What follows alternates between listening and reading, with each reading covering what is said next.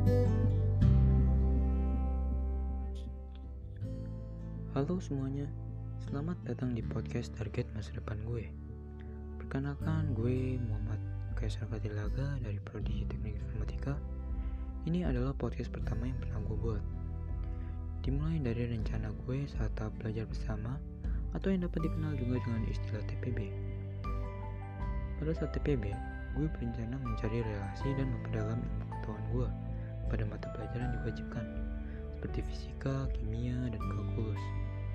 Saya ingin memanajemen waktu sebaik mungkin agar dapat menyelesaikan semua tugas tanpa kendala dan dengan demikian gue bisa mendapatkan IP yang baik.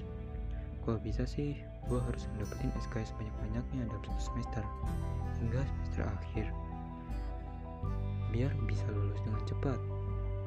Gue ingin mencari pengalaman sebanyak gue kuliah di ITERA. Seperti kata orang-orang, belajarlah dari pengalaman karena pengalaman adalah guru yang terbaik. Setelah gue lulus kuliah S1, gue berencana melanjutkan program studi gue ke jenjang S2. Gue bakal nyari kerjaan sampingan untuk biaya kuliah S2 dan biaya hidup gue biar nggak membenanin ke orang tua. Ya, kemungkinan kerja sebagai freelance atau semacamnya. Nyata gue, rencana gue sih lulus S2 dengan tepat waktu dan mendapatkan IPK besar. Kalau bisa sih dengan IPK yang memuaskan. Setelah lulus S2, rencana gue bakal bercabang. Rencana pertama gue bisa dibilang jadi keinginan banyak orang. Karena biaya hidup yang terjamin hingga umur tua nanti.